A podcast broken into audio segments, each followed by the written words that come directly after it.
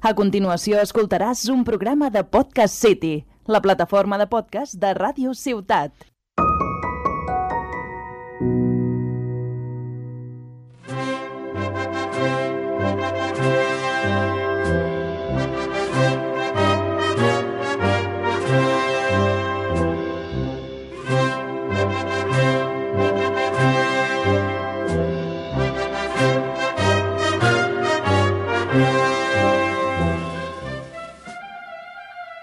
Benvinguts a Bandera Negra i Matraca. Avui, primer programa del 2021.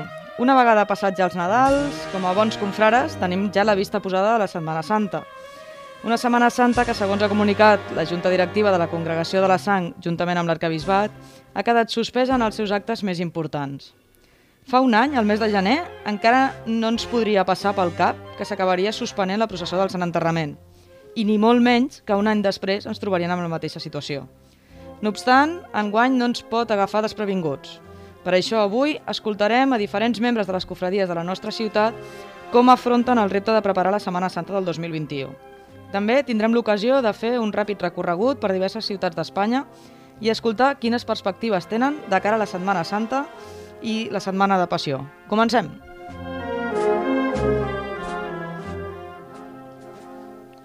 La Semana Santa de León no renuncia a actos en la calle y contará con cartel oficial.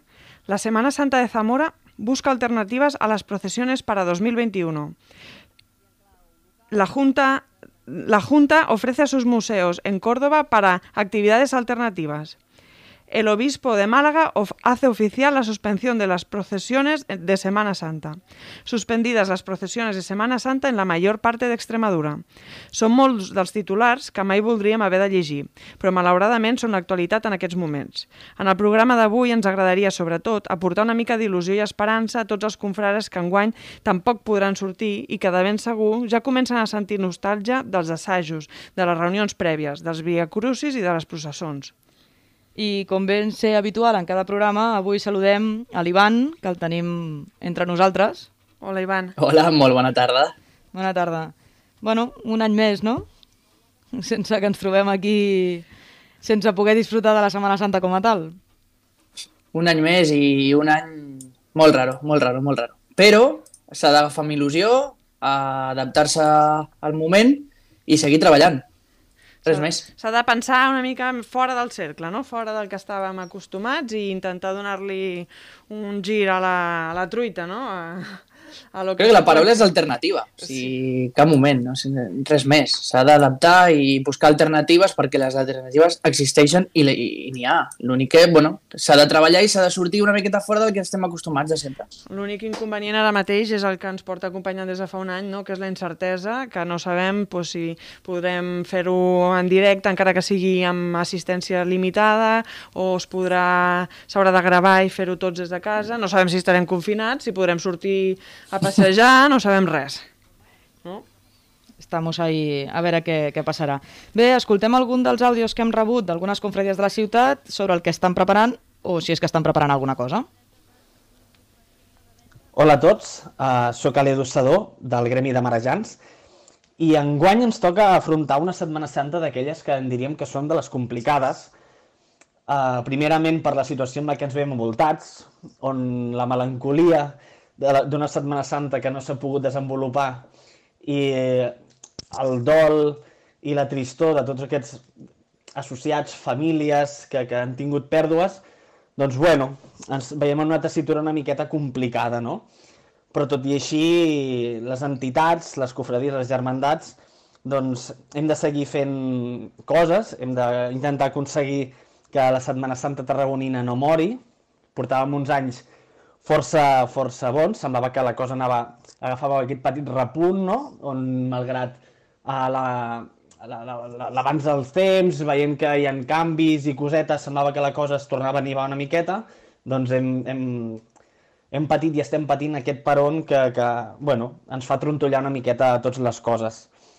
Enguany ens veiem amb l'oportunitat, sobretot el, els joves, de, de poder fer que els actes de la Setmana Santa tarragonina evolucionin, no? Uh, ara més que mai hem de ser capaços de, de, de fer esdeveniments digitals, de fer presentacions, de fer moltes de les activitats que potser en una, en una situació normal, no? que ja no sabem ben bé què és la normalitat, però en, en situacions com les que hi havia abans no s'haurien donat mai, no? I ara tenim l'oportunitat de, de, de, de fer això, no? Tenim la responsabilitat de que la Setmana Santa Tarragonina segueixi tirant endavant, amb nous actes, actes diferents, a través d'una pantalla, intentant fidelitzar la gent, que, que estigui... que, que no es desenganxi d'això i, i creiem que, que, bueno, que és molt important fer-ho així i, i esperem que la resta de germanats també ho facin per tal de que quan s'acabi tot això, tot aquest tràngol, doncs puguem retrobar-nos tots, eh, que els companys es puguin veure sota el pas, que els timbalers es puguin juntar, que tota la gent de files segueixi sent-hi, tenim, tenim una gran responsabilitat i, i hem d'aconseguir hem d'aconseguir que, que quan s'acabi tot això segueixi igual o millor que com, ho, com estava abans de, de començar amb aquesta, amb aquesta pandèmia. I no res, eh, molts actes digitals, eh, intentar que la gent no perdi el fil, retrobar-nos d'alguna manera, reviure eh, esdeveniments, re, re, reviure processons, moltes coses ens esperen en guany amb un format totalment diferent i on esperem que la gent doncs, pugui gaudir tant de la gent de l'entitat com, el, com els de fora.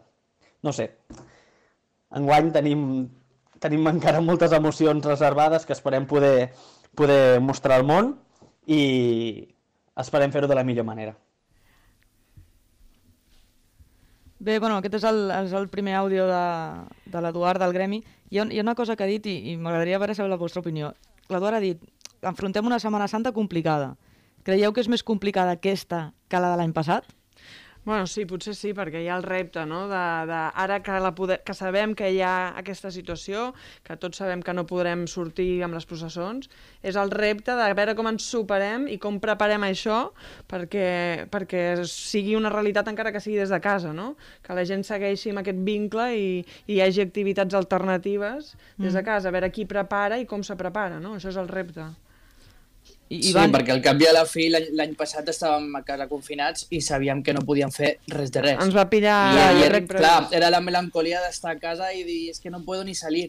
Eh, però aquest any la, la cosa canvia, la situació t'ha canviat. Potser tenim restriccions, sí, però hi ha maneres alternatives de poder adaptar-se i hi ha temps també per pensar i repensar-hi les coses. Llavors, és diferent, eh, simplement, doncs, bueno, eh, ens hem d'adaptar. Bueno, doncs escoltem un parell d'àudios més. Bona tarda, em presento. Soc Jordi Folk Ras, eh, president de la Reial Congregació del Venerat Cos de Jesucrist en el descendiment de la Creu.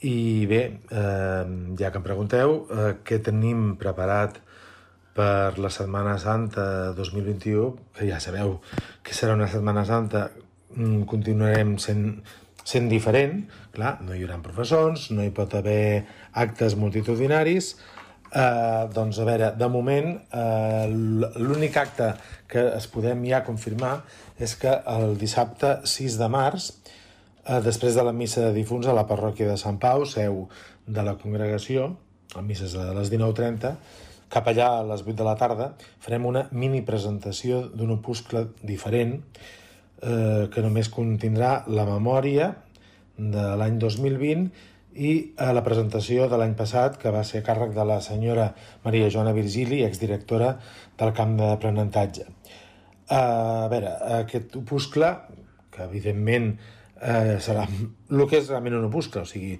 molt poques fulles, sense cap tipus de publicitat, es fa més que res per deixar constància de lo que ha sigut l'any 2020 i perquè quedi per la memòria històrica doncs, el record d'una Setmana Santa diferent amb la presència, desgraciadament, del Covid. La presentació eh, estarà a càrrec de la senyora Anna Robert, cap de publicacions del Departament de Comunicació i Publicacions de l'Arcabisbat de Tarragona i per mi mateix com a president.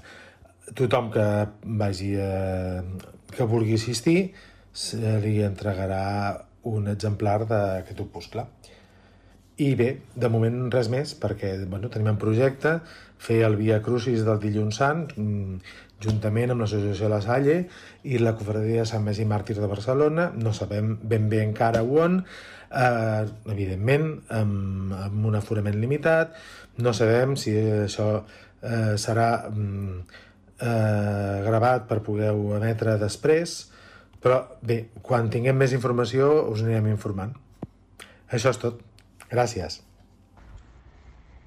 Por parte de la Cofradía del Cristo del Buen Amor queremos seguir organizando actos como entidad, evidentemente adaptados a, a la situación sanitaria que corresponda en ese momento y ya estamos empezando a trabajar para poder eh, realizar la presentación de, de nuestra revista con un formato diferente al que, al que estamos acostumbrados. En lugar de ser una presentación de la revista habitual, queremos que este acto se convierta para nosotros en, en, un pregón cofrade, en una exaltación de la Semana Santa, para que tenga un toque más personal y más, más acorde con, con lo que nuestra cofradía representa.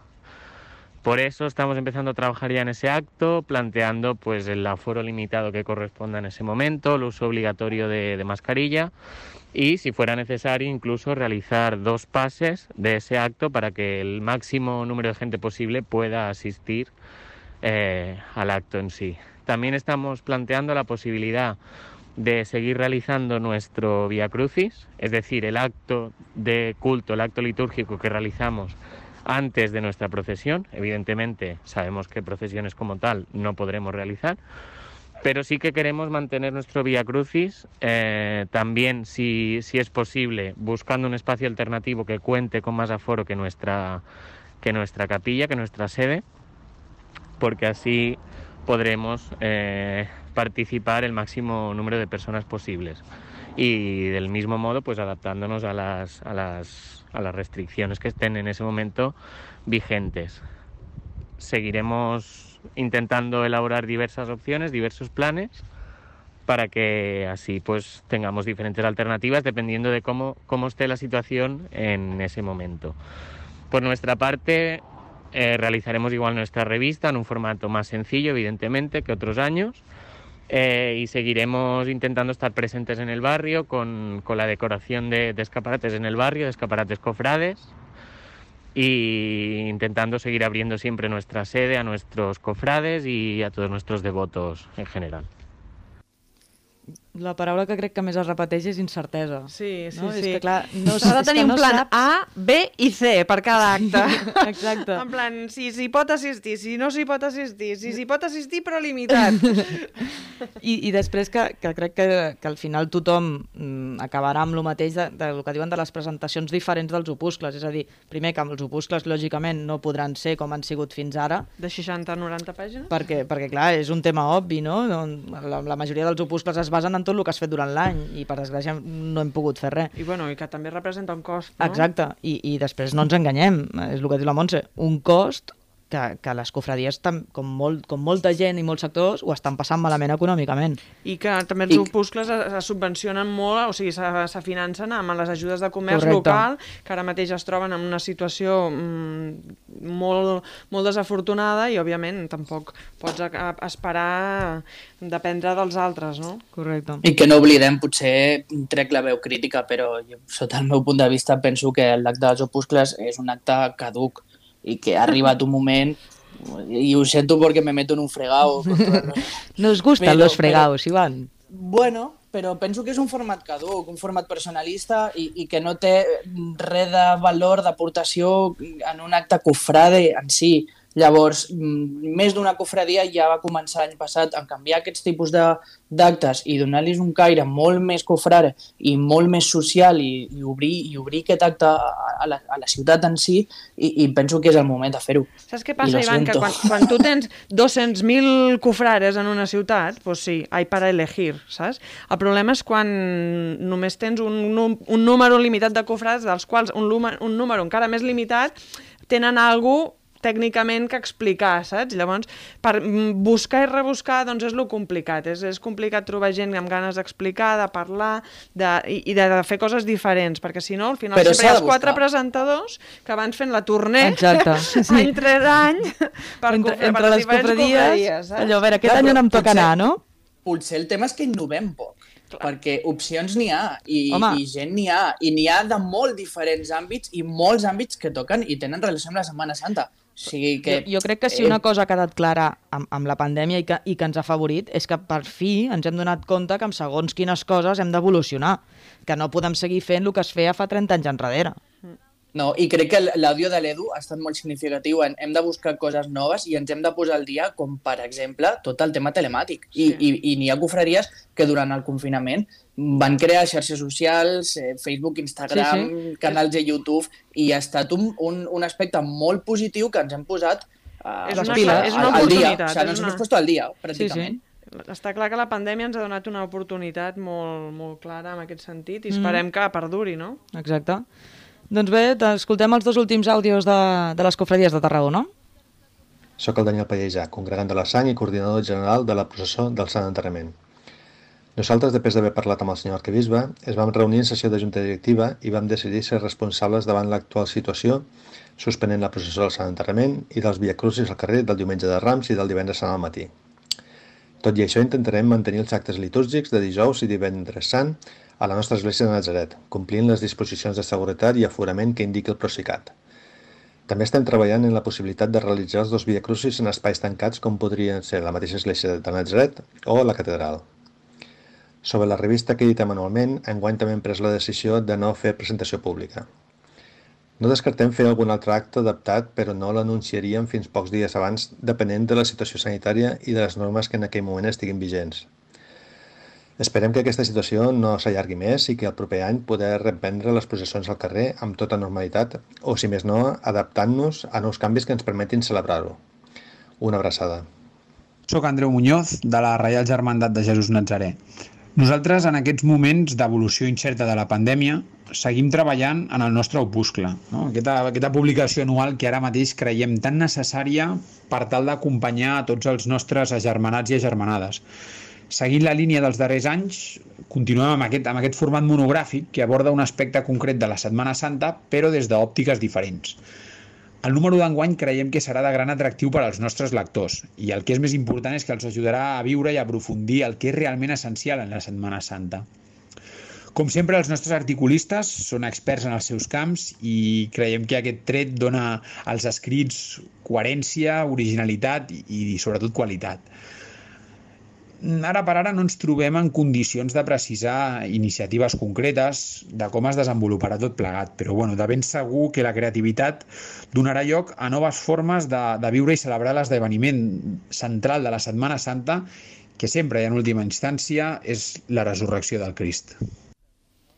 Hi ha una cosa que, que ha dit l'Andreu i jo també crec que és veritat que tot i que es puguin canviar les presentacions dels opuscles, els opuscles són necessaris. I tant. Perquè al final és, és, el, que, és el que queda de, en paper, diguéssim, per molt que tinguem tecnologia i anem amb ordinadors i tot, però és el que et queda en paper de, de la història de la teva cofradia, no? I el que tant trobem a faltar a vegades, no? quan volem entendre la història de la confraria, Sí, sí, diem, ostres, si tinguéssim aquest document que, més ben redactat, o, que, o si el tinguéssim, no? perquè s'ha perdut molt, sí, sí. molt paper. I de fet que moltes vegades ens trobem com mm, gent que es dedica a la investigació de la Setmana Santa a Tarragona, com ha pogut ser el Jordi Bertran, per exemple, que ha fet el llibre de la sang, a vegades per escriure segons quins articles necessiten que hi hagi aquest, aquest document no, darrere, aquesta història, i jo crec que encara que siguin opuscles totalment diferents, els nazarens, per exemple, sota el meu punt de vista, porten uns anys que els seus opuscles són genials. Sí, L'Andreu sí. ho ha dit, es, es basen en...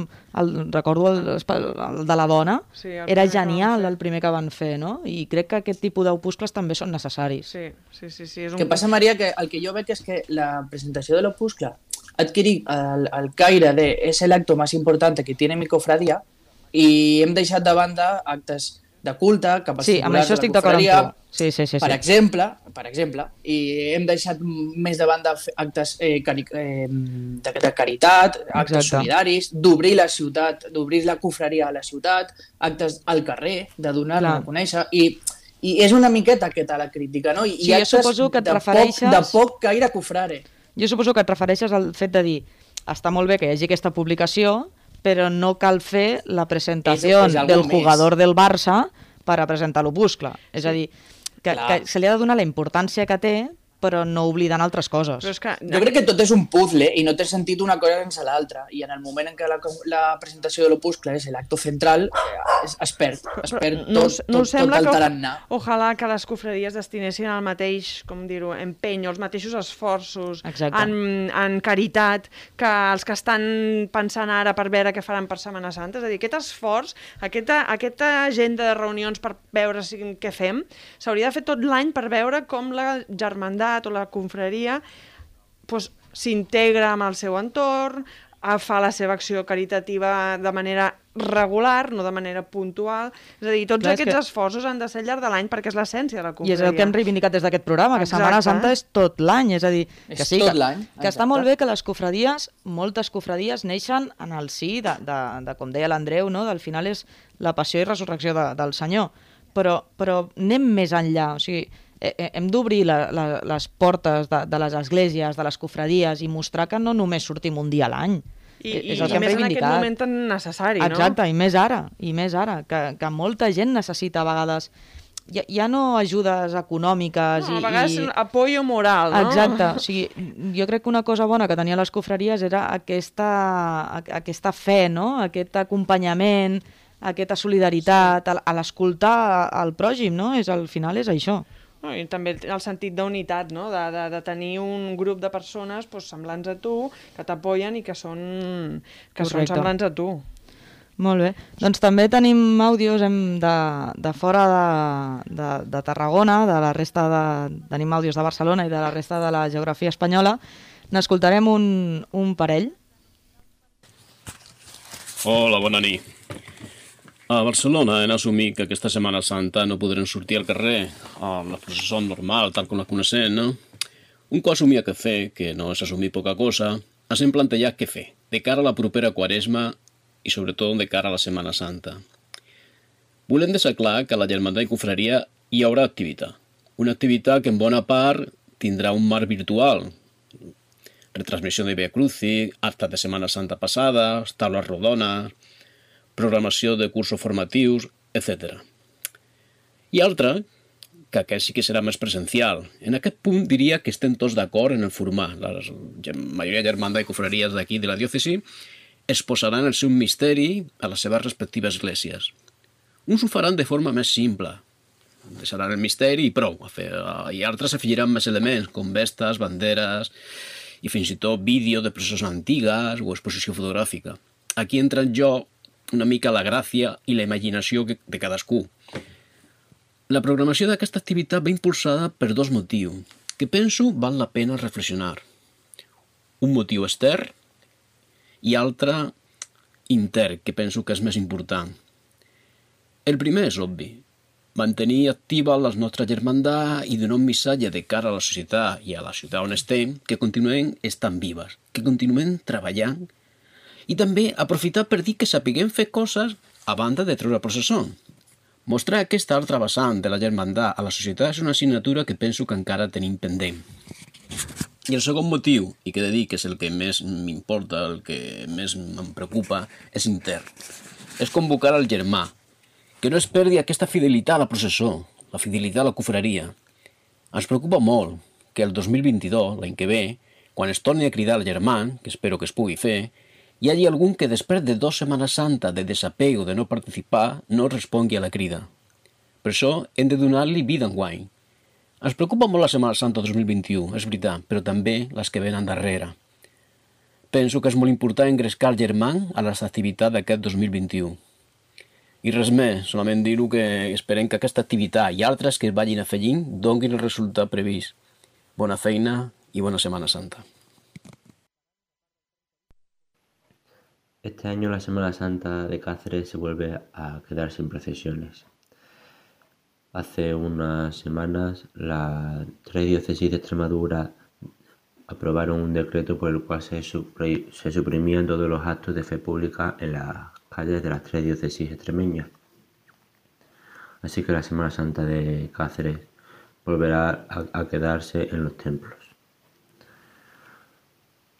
Se intentarán desde las diferentes cofradías realizar actos. Por lo menos desde mi cofradía se está estudiando cómo, cómo podemos organizar una experiencia ese día, el día de la procesión nuestra, en el caso del lunes santo, una experiencia para que los hermanos puedan disfrutar, sentir cerca a sus imágenes titulares y sentir este, ese sentimiento que, que produce salir a la calle en procesión. Desde luego que va a ser completamente distinto y lamentablemente tendremos que echar de menos a muchos cofrades que o por miedo, porque estén en otras localidades que no puedan salir o porque ya no se encuentran con nosotros debido a, la enfermedad, pues se echará mucho de menos y, y será todo muy, muy diferente. Por mucho que lo hagamos, va a ser completamente diferente y extraño para nosotros, aunque siempre sabremos que estaremos celebrando lo mismo cada año. Buenas tardes. Nos piden una colaboración desde esa emisora de Tarragona para sus programas de pasión por parte de nuestra hermandad, la Hermandad del Santo Sepulcro, Nuestra Santísima Virgen de los Dolores, el Señor orando en el huerto y María Santísima de la Piedad, para hablar un poco sobre la historia de nuestra hermandad y sobre nuestros planes y nuestros proyectos para la Semana Santa de 2021. En ese aspecto tenemos que comentar que esta hermandad se fundó a comienzos de la década de los 50, hace ya más de 70 años, y desde entonces no ha dejado de hacer sus estaciones de penitencia permanentemente sin fallar en una sola ocasión. Solo el año pasado, con motivo de la pandemia que azota nuestro país, esta hermandad dejó de hacer sus estaciones de penitencia. Es una hermandad que tiene cuatro desfiles procesionales a lo largo de los días de Semana Santa, que ocupa prácticamente desde el martes santo hasta el viernes santo esos cuatro desfiles procesionales. En la procesión más importante que tiene la hermandad es la de el Santo Sepulcro y la Virgen de los Dolores. Tiene varias cuadrillas de costaleros y costaleras para aportar a sus titulares, que se mantienen ya desde hace más de 30 años esas cuadrillas de costaleros y espero que, esperamos que muchos más años. Con respecto a los proyectos para la próxima Semana Santa, pues nos haremos lo que nos dejen y lo que nos dejen según las directrices que manda el Obispado de Córdoba y el Arzobispado de Sevilla, pues son cultos internos a nuestros titulares y cualquier acto que se celebre, aparte de esos cultos, tiene que ser en el interior de la parroquia. No puede haber acto en el exterior. Por lo tanto, trataremos de dar culto a nuestros titulares a través de un sextenario a la Virgen de los Dolores y un triduo al Señor del Santo Sepulcro y a la Virgen de la Piedad, más otro triduo al Señor orando en el huerto e intentaremos hacer el Vía Cruz y de Dolores, aunque sea en el interior de la parroquia, y esperar que en los próximos años tengamos ocasión de poder volver a, a manifestar nuestra fe religiosa en las calles portando nuestros titulares. Muchas gracias a esa emisora de parte de la Hermandad del Santo Sepulcro, conocida en nuestro pueblo, Cañeta de las Torres, por los negros, y para cualquier otra cosa que deseen, pues aquí estamos. Buenas tardes. Hola, saludos a todos los oyentes de Bandera Negra y Matraca. Soy Suasús González eh, y os presento cómo están las previsiones para la celebración de la próxima Semana Santa en León. Aquí todavía no hay un acuerdo oficial acerca de la suspensión de las procesiones la Junta Mayor de Cofradías y Hermandades de la Semana Santa de León, que es la entidad equivalente a la agrupación de asociaciones de Semana Santa de Tarragona y que forman las 16 cofradías que existen en León, anunció hace unos días que todavía van a esperar un poco para tomar decisiones.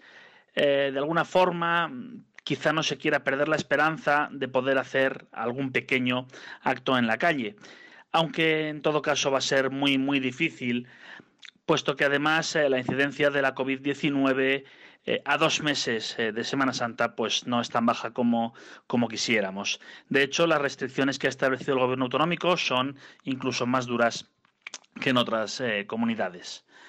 Por su parte, el obispo legionense Luis Ángel de las Heras, en recientes declaraciones, ya ha dejado ver que no habrá procesiones, lógicamente, ni tampoco ningún otro acto que llame a aglomeraciones de gente. Lo que sí habrá, esperemos, es eh, actividad con las eh, medidas pertinentes en los templos y también en el Museo de Semana Santa, recientemente finalizado, pero aún a la espera por la situación que atravesamos de que comience a funcionar con normalidad. Una actividad, pequeños actos eh, que también habrá en Cuaresma y quizá incluso antes, pues como puede ser la presentación del cartel, el pregón de Semana Santa o distintos cultos de las cofradías y hermandades, por poner algunos ejemplos. En todo caso, muchos, muchas miradas se centran ya en el próximo mes de septiembre, puesto que de 9 al 12 está prevista la celebración del 33 Encuentro Nacional de Cofradías, programado ya para el año pasado, pero aplazado por la pandemia, en el que, al menos por ahora, se sigue trabajando. Yo, yo me quedo con, datos curiosos. El primero es que Manuel Zamora de Barcelona ha hecho una reflexión muy interesante. Es decir, nos costará arrancar, yo creo que eso es obvio. Es decir, después de dos años, sobre todo aquí en Tarragona, ¿eh? que, hablamos de lo que conocemos, pero aquí en Tarragona, em, que ves que la gente está muy acostumbrada a lo que decíamos, a que Semana Santa sea el Viernes Santo y Pro, costará muchísimo arrancar. Y, creo que eso es obvio y habrá que trabajar mucho en eso. y otra cosa que también me sorprende es que en Andalucía estamos acostumbrados a que todo es muy externo. O sea, ya sabemos que juegan en otra liga. Andalucía en general juega en otra liga. Pero ellos, nosotros tenemos que hacer el, el proceso de, de, estar dentro de la cofradía a externalizarlo. Y en cambio ellos, tienen que hacer al revés. De, de tener una Semana Santa eh, conocida mundialmente, porque es así, se tienen que introvertir y hacer actos de culto interno. Ese es su, su gran problema. ¿eh? o sea, ya no se plantean hacerlos o no. Los vamos a hacer, pero exacto, bueno. Exacto, no, no, Iván, yo, yo, tú también conoces mucho la Semana Santa de Andalucía y, y yo creo que ellos tienen un problema con eso, ¿eh? Sí, sí, no, iba a decir prácticamente lo mismo, porque al final los, los triduos y, y los via crucis son parte muy importante de, la, de, la, de las cofradías y hermandades andaluzas, ¿vale? Pero, pero al final está claro que sacar el, a, los pasos y los titulares a la calle, o sea, es, es lo principal, ¿vale? Pero ahora mismo, pues eh, es curioso cuando nosotros, eh, por ejemplo, eh, en, en, Cataluña en general se está diciendo, sobre todo, intentar hacer actos fuera en la calle, intentar no estar dentro. Y, he visto que, por ejemplo, decían, no, nosotros solo podemos hacer el culto, culto interno, no podemos hacer culto exterior. Es que para ellos... Tenemos que meternos en la iglesia. Claro, para ellos supone, incluso ahora, cuando hacen los triduos y los cultos, a que pasen riadas y riadas y riadas de gente por sus iglesias para hacer ese culto. Y ahora se van a encontrar en que tienen un aforo, bueno, no, no, conozco exactamente las, las normas que tienen ellos ahí de restricciones, pero se van a encontrar en que tienen que cumplir un aforo en las iglesias que, será muy mínimo de lo que están acostumbrados. Y yo creo que para ellos eso también va a ser duro, ¿eh? Hay que tener lo que decíamos, plan A, B y C, porque como sea como en Castilla-León ahora mismo solamente 25 personas por la, en cada iglesia, los actos dentro creo que no los van a poder hacer. Claro, claro, yo también entiendo que las cofradías se plantean de que, y es normal, ¿no? Que piensas, si tengo que hacer un acto para que solo vengan 25 personas, ¿qué haces? ¿Realmente lo haces porque tienes que hacer ese acto de servicio de la cofradía o, no lo haces porque solo vienen 25 personas? El problema es que si haces un acto pensando en las personas y un acto sin pensar en los titulares y en la vida de la cofradía, eh, ahí es contraproducente. Por ejemplo, la reflexión que me ha encantado de Manuel Zamora ha sido hay dos cosas, está la vida externa y la vida interna. La vida externa relativamente es fácil mantenerla, pero la vida interna no, hay que trabajar día a día. Y creo que es uno de los fallos que tenemos en Tarragona, que no trabajamos el día a día, que trabajamos de enero a marzo, abril y dejamos de trabajar. Y, Manuel lo ha dicho claro, si no mantenemos la vida interna de las cofradías, si no mantenemos al hermano cofrade, al final esto se cae. O sea, esto se cae. Y llevamos dos años ya y no solamente es cuestión del hermano, o sea, es que dentro de la cofradía hay muchas facetas. Está la agrupación musical o las bandas, están los costaleros o las cuadrillas de purtans, está todo el hermano nazareno que viene a participar en filas eh, y sale en procesión, pero luego también está todo el hermano de la cofradía que participa durante el día a día sin Claro. ser parte activa durante el Viernes Santo. Entonces hay que mantenerlo absolutamente todo y no es fácil. Yo, yo voy a ser ahora un poco pesimista y, y voy a meter el de la llaga, pero otro 2022 igual que este no lo levantamos. No. O sea, yo creo que es, se hunde. Se hunde. Yo creo que sería empezar desde menos cero, o sea, ya no empezar desde cero. Y, sería muy complicado. A nivel social y a nivel estructura de, de la cofradía sería muy difícil. Bueno, yo creo que si habláramos de Castells, igual no pasaría lo mismo, ¿o sí? Bueno, hacer la Es que comparación. volvemos- sí, Es a la odiosa, es odiosa, lo sé. Es odiosa, pero es lo mismo. Igual, mm, ¿por qué en Castells no, no, no se plantean esto?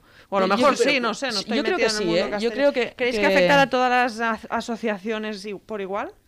Sí, Pero otro cuidado- año en blanco cuidado, sí. por ejemplo, Yo cómo, creo le que afecta sí. a los cómo le va a afectar a Castells y cómo va a retornar Castells. Yo no veo Castells de 10 en- Ya, hasta ya, dentro ya. de X Exacto, tiempo. ¿eh? Claro, claro, claro. Es lo que dices Entonces, tú. o si sea, lo y las Si lo extrapolamos, si lo extrapolamos a cómo. mm, Mira, me ha quedado una cosa muy buena de la- del audio de Edu que ha dicho que últimamente, en los últimos años, se estaban remontando un poquito, se estaban empezando a hacer bien las. Bueno, no bien, sino que se estaban haciendo cosas diferentes y que estaban funcionando. Eso Y- no se ha cortado, pero es- quizás si volvemos a esa tesitura de Sí. vamos a hacer cosas nuevas, a lo mejor no nos cuesta tanto. Bueno, yo supongo que es algo que, no sé. que solo lo- el tiempo lo, lo dirá, ¿no? Bueno, queremos agradecer tanto a Manuel, a Juan, a Diego y a Chuasus que nos han enviado estos audios, que muchas gracias por colaborar con el programa y que bueno, que siempre seguro que ya tenemos sus contactos y algún día, si todo esto pasa, ya ver si ya podemos llamarlos. Y o- entrevistarles como Dios manda. Exacto. Tenemos contactos de calidad. Exacto. Bé, per altra banda, avui entrevistarem a Francesc Aritjol, president de l'agrupació d'associacions de la Setmana Santa de Tarragona i del Gremi de Marejans, perquè ens expliqui com es viurà aquest any la Setmana Santa de la nostra ciutat. Bona tarda, Francesc. Hola, bona tarda, què tal?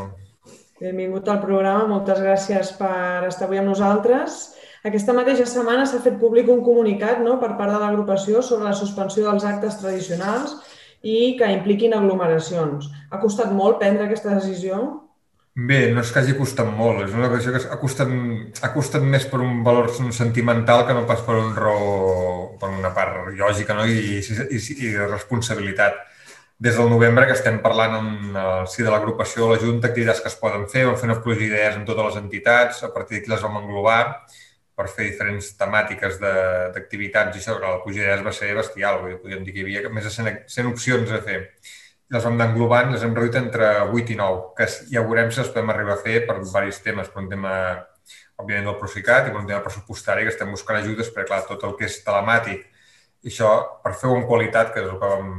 Al principi vam dir, vam dir que si fèiem alguna cosa havia de ser en qualitat.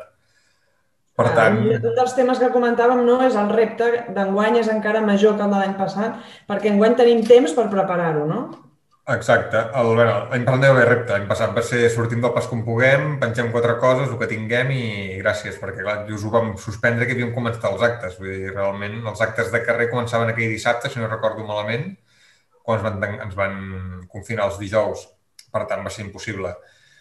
I aquest any sí que ha hagut més temps i el repte, bueno, és un repte i una oportunitat. Jo ho he pres més com una oportunitat, potser, i bueno, la gent de l'agrupació també, penso que ho han entès així també, d'una oportunitat que podem fer coses que poden quedar per sempre, coses que és una inversió per a la ciutat, que poden seguir, iniciatives que poden seguir vinculades i també vincular a diferents col·lectius, no? Vull dir, aquesta és una mica la intenció.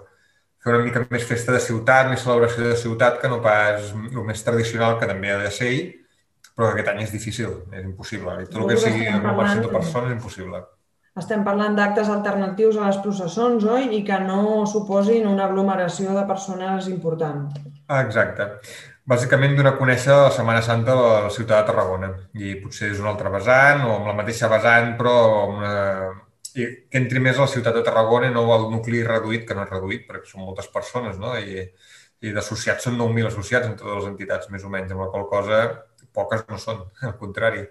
I Però sí que, bueno, Perdó, es podrà veure les imatges, es podrà visitar les imatges d'alguna manera? Cre... Esteu pensant... Sí, es pot fer, sí. Que aquí tenim la sort que tenim les imatges totes en unes esglésies, per tant, la sort és que si podem obrir, es pot fer. Es pot fer també d'intentar concentrar-les totes en un lloc, que és difícil. Però s'ha de mirar perquè el transport, com fas el transport d'aquestes imatges amb gent, necessites un mínim de gent, el necessites, encara que sigui per carregar un gruix, no? Vull dir, això és complicat. Tenim la sort que tenim les esglésies amb tots els passos a dia d'avui, amb la qual cosa els podríem veure d'una manera restringida, amb control d'aforament, d'entrades... Tot això depèn del Procicat, és com tot. Vull dir, ara fora de la línia ho parlàvem, no? que la cosa es complica, però bueno, la intenció és que esperem que en març, abril la cosa pues, hagi destensionat i podem fer... Si poguéssim refer com va fer Tarracovir, faria un èxit. I quines, quines perspectives tens de cara a aquesta Setmana Santa? Creus que la gent s'implicarà? Creus que serà difícil de remuntar dos anys seguits sense sortir al carrer? Jo penso que no serà difícil per dos motius. Eh? Bàsicament, un, la gent en té ganes. Vull dir, la Setmana Santa és un fet social com totes les activitats que es fan a nivell de Tarragona i de Catalunya. No? I l'associacionisme al nostre territori no ens enganyarem que és vull dir, molt important i és un fet social plenament. Vull dir, la gent després ho viu com ho viu, creu el que creu, cada un té la seva forma de pensar, de creure, el que sigui, no? Però passa amb tot, com els castells, com amb carnavals, tots els col·lectius aquests és un fet social, un fet de trobar-nos, som llatins, amb la qual cosa això ho necessitarem, i quan parles amb la gent, la gent sempre et pregunta què farem, si tornarem, i en tinc ganes, per tant no hi ha un, no, no he sentit ningú que digui doncs m'he acostumat a no fer res i estic còmode, només no ho sentit a ningú. I després un tema econòmic aquí darrere. Òbviament, després d'aquesta crisi que ens vindrà, eh, viatjar serà més difícil, no ens enganyarem, cap de setmanes, capades de cap de setmana seran més complicades, ponts iguals, setmanes santes iguals, i és, una, és un refugi de la societat, això està estudiant, no? En èpoques de crisi ens, a refugi amb aquests entorns socials. Per tant, hem d'agafar com una oportunitat. Sí, jo també penso que potser la gent viatjarà més a nivell nacional i no s'anirà potser a Tailàndia per Setmana Santa. És possible, és molt possible. Un que anar potser en uns anys i dos que econòmicament és més complicat. El poder adquisitiu de la gent ha canviat molt. Ja veurem com ho farem. És una oportunitat, però jo penso que no. La gent animada està. Si això durés cinc anys, ostres, potser sí que sent massa. Però bueno, avui tenim sobre aquest, no? les xarxes socials, que tots estem en comunicació, ningú queda desvinculat, amb la qual cosa el xup-xup el vas fent. Que costa rastral? Sí, clar, costa és lògic, això és normal, no? però bueno, penso que hi tornarem. I el Rier parlava també amb, amb altra gent d'altres entitats i això, no de l'agrupació, sinó amb, amb un, amb un, un, amb un xat, i bueno, deien que això sí, que la gent té ganes de tirar endavant i que les bandes de música tenen ganes de tornar a ensejar, de trobar-se, que és un col·lectiu important, els portants igual, per tant, la resta aniran darrere, suposo. Potser de cara al 2022 s'haurà de, si finalment la situació millora, no? Es podrà, hi haurà un boom i tothom voldrà, totes les bandes que hauran estat allí reprimides voldran no, sortir, no? Boom tampoc, jo penso que s'ha de continuar, però la gent s'ho agafarà amb ganes, també. També va a vegades, una parada d'aquestes, no ens enganyarem, va bé una parada també per la gent valorar el que té i la sort que tenim de participar en aquests actes que fins ara molts no donen importància i ara ho trobem a faltar, no? Potser és una manera també de parar i de dir, ostres, doncs val la pena mantenir-ho, com si diguéssim. També hi haurà gent que s'ha fet més gran, això sí que és un tema dels portants, això que si dura més de dos anyets, clar, és que en tenien aquestes generacions que van recuperar són els nostres pares, no ens enganyem, que van recuperar les festes, tots s'aniran als 65-70 ràpidament, eh? Vull dir, per tant, aquí no és el mateix 61-62 que 65 per la qual cosa aquí alguns portants, alguna gent potser, clar, bueno, aquí hauríem d'intentar enganxar els que vinguessin a files i fer goig, no? La gent gran, Siri fa goig, és complicat, és sempre, és complicat això.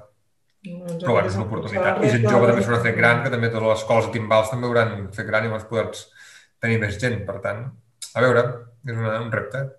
Doncs molt bé, moltíssimes gràcies, Francesc. El, el que comentàvem també amb, amb altres àudios que havíem sentit, és que crec que de, de tot el negatiu sempre s'ha de treure la part positiva, no? I que segurament mm. a, aquest confinament servirà per, per, per buscar altres alternatives a les cofradies que fins ara no s'havien plantejat i que ara ens veiem obligats, entre cometes, a fer-ho, i servirà per, per això, no? per obrir portes i fer coses diferents. Jo penso que servirà com serveix a nivell social.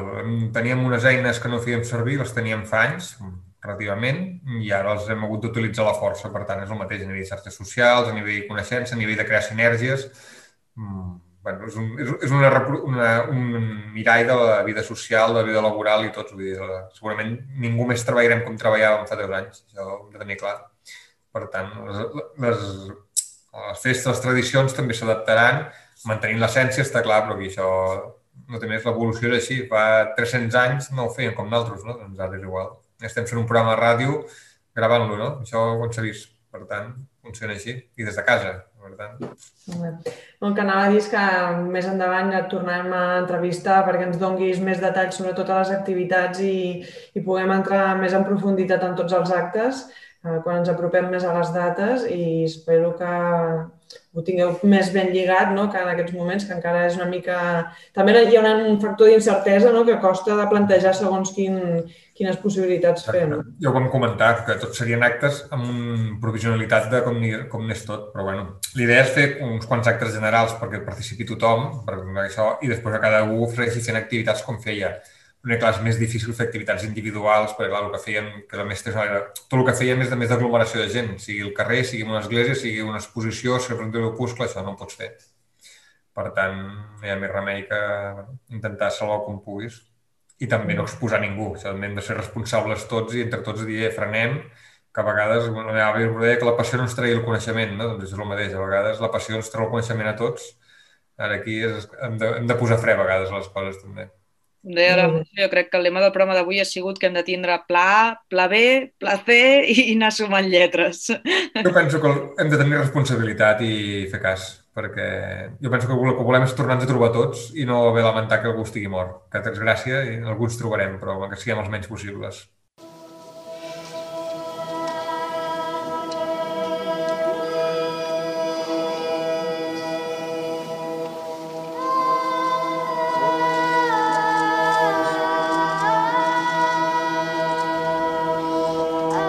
Ens retrobem després de les festes nadalenques per seguir descobrint el Museu Bíblic Tarraconense.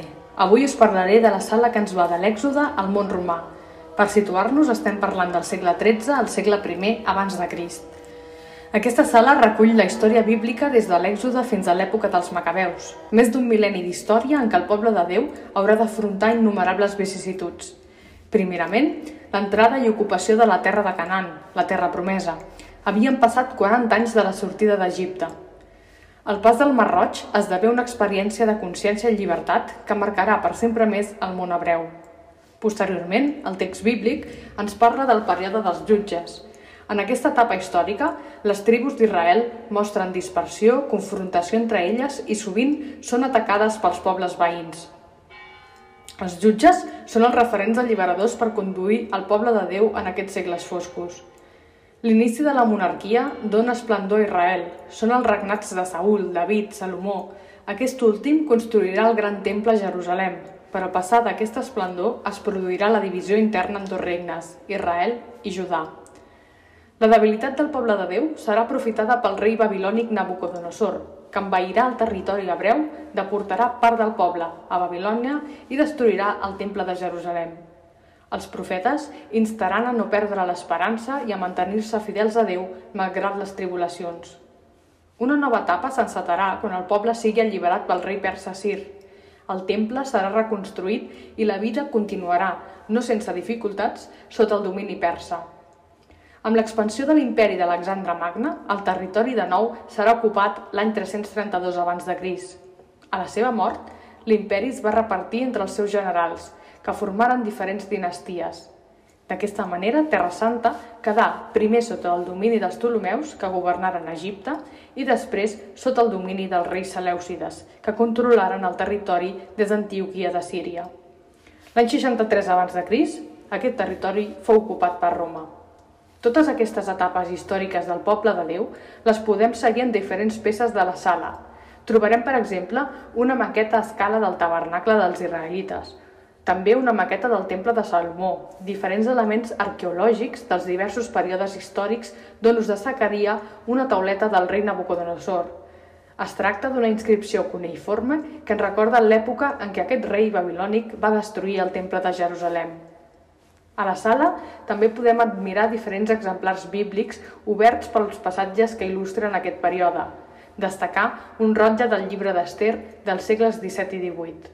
Per acabar, us vull informar que el proper dijous, dia 28 de gener, dins la Setmana de la Bíblia, es farà una jornada de portes obertes del Museu Bíblic des de les 9 a la 1 i de les 3 a les 6 de la tarda, Cal dir que totes les mesures preventives i d'aforament que en aquell moment estiguin establertes seran les que tindrem en el museu. Ens retrobem al proper programa on seguirem el nostre recorregut radiofònic per aquest Museu de Tarragona. Bueno, doncs ja tenim una data per anar a visitar el museu. Exacte, i salvant una mica les distàncies i sobretot que la Míriam em perdoni, perquè jo no, no sóc experta en aquest tema, eh? però hi ha com una mica de paral·lelisme justament en el que explicava la, la, la Míriam del període aquest, de l'èxode, de, de totes les vicissituds que passa al Poble Breu, una mica amb el que està passant ara. O sigui, salvant molt les distàncies, eh? Míriam, sisplau, quan escoltis això, perdona'm. Però em vinc a referir que jo crec que amb tot el que dèiem ara, la fe també està vivint un període de de vicissituds, de, de potser, no? De turbulències. No? Clar, buscar la paraula també és una mica complicat, però, però sí que és veritat que, que per tot el que hi ha al darrere, no? I també pot donar per un altre programa de ràdio parlar d'això, però sí que és veritat que, que costa una miqueta. I però bueno, si, si en aquella època el poble se'n va sortir, Sí. nosaltres també ens sortirem. I tant. Bueno, doncs fins aquí el programa d'avui. Uh, moltes gràcies a tots els que han participat. Volem, com sempre, permetre i animar a tothom que vulgui fer-nos servir com a micròfon i altaveu a totes aquelles confraries que vulguin explicar aquells actes Correcte. que estiguin pensant. Sobretot las de Tarragona, pero Exacto. igualmente también las de fuera, que seguramente nos van a escuchar. Exacto. Pues que estamos abiertos a que, a que desde aquí de Tarragona poder dar un poco de altavoz a todas esas cofradías que... que nos mandéis vuestros audios y todos los actos aquellos que queráis promocionar o explicar o compartir. Aquí está vuestro programa para todos los cofrades. Bueno, Iván, muchas gracias un, un día más y a ver si nos podemos ver pronto. Seguro que sí, seguro que sí. Moltes gràcies.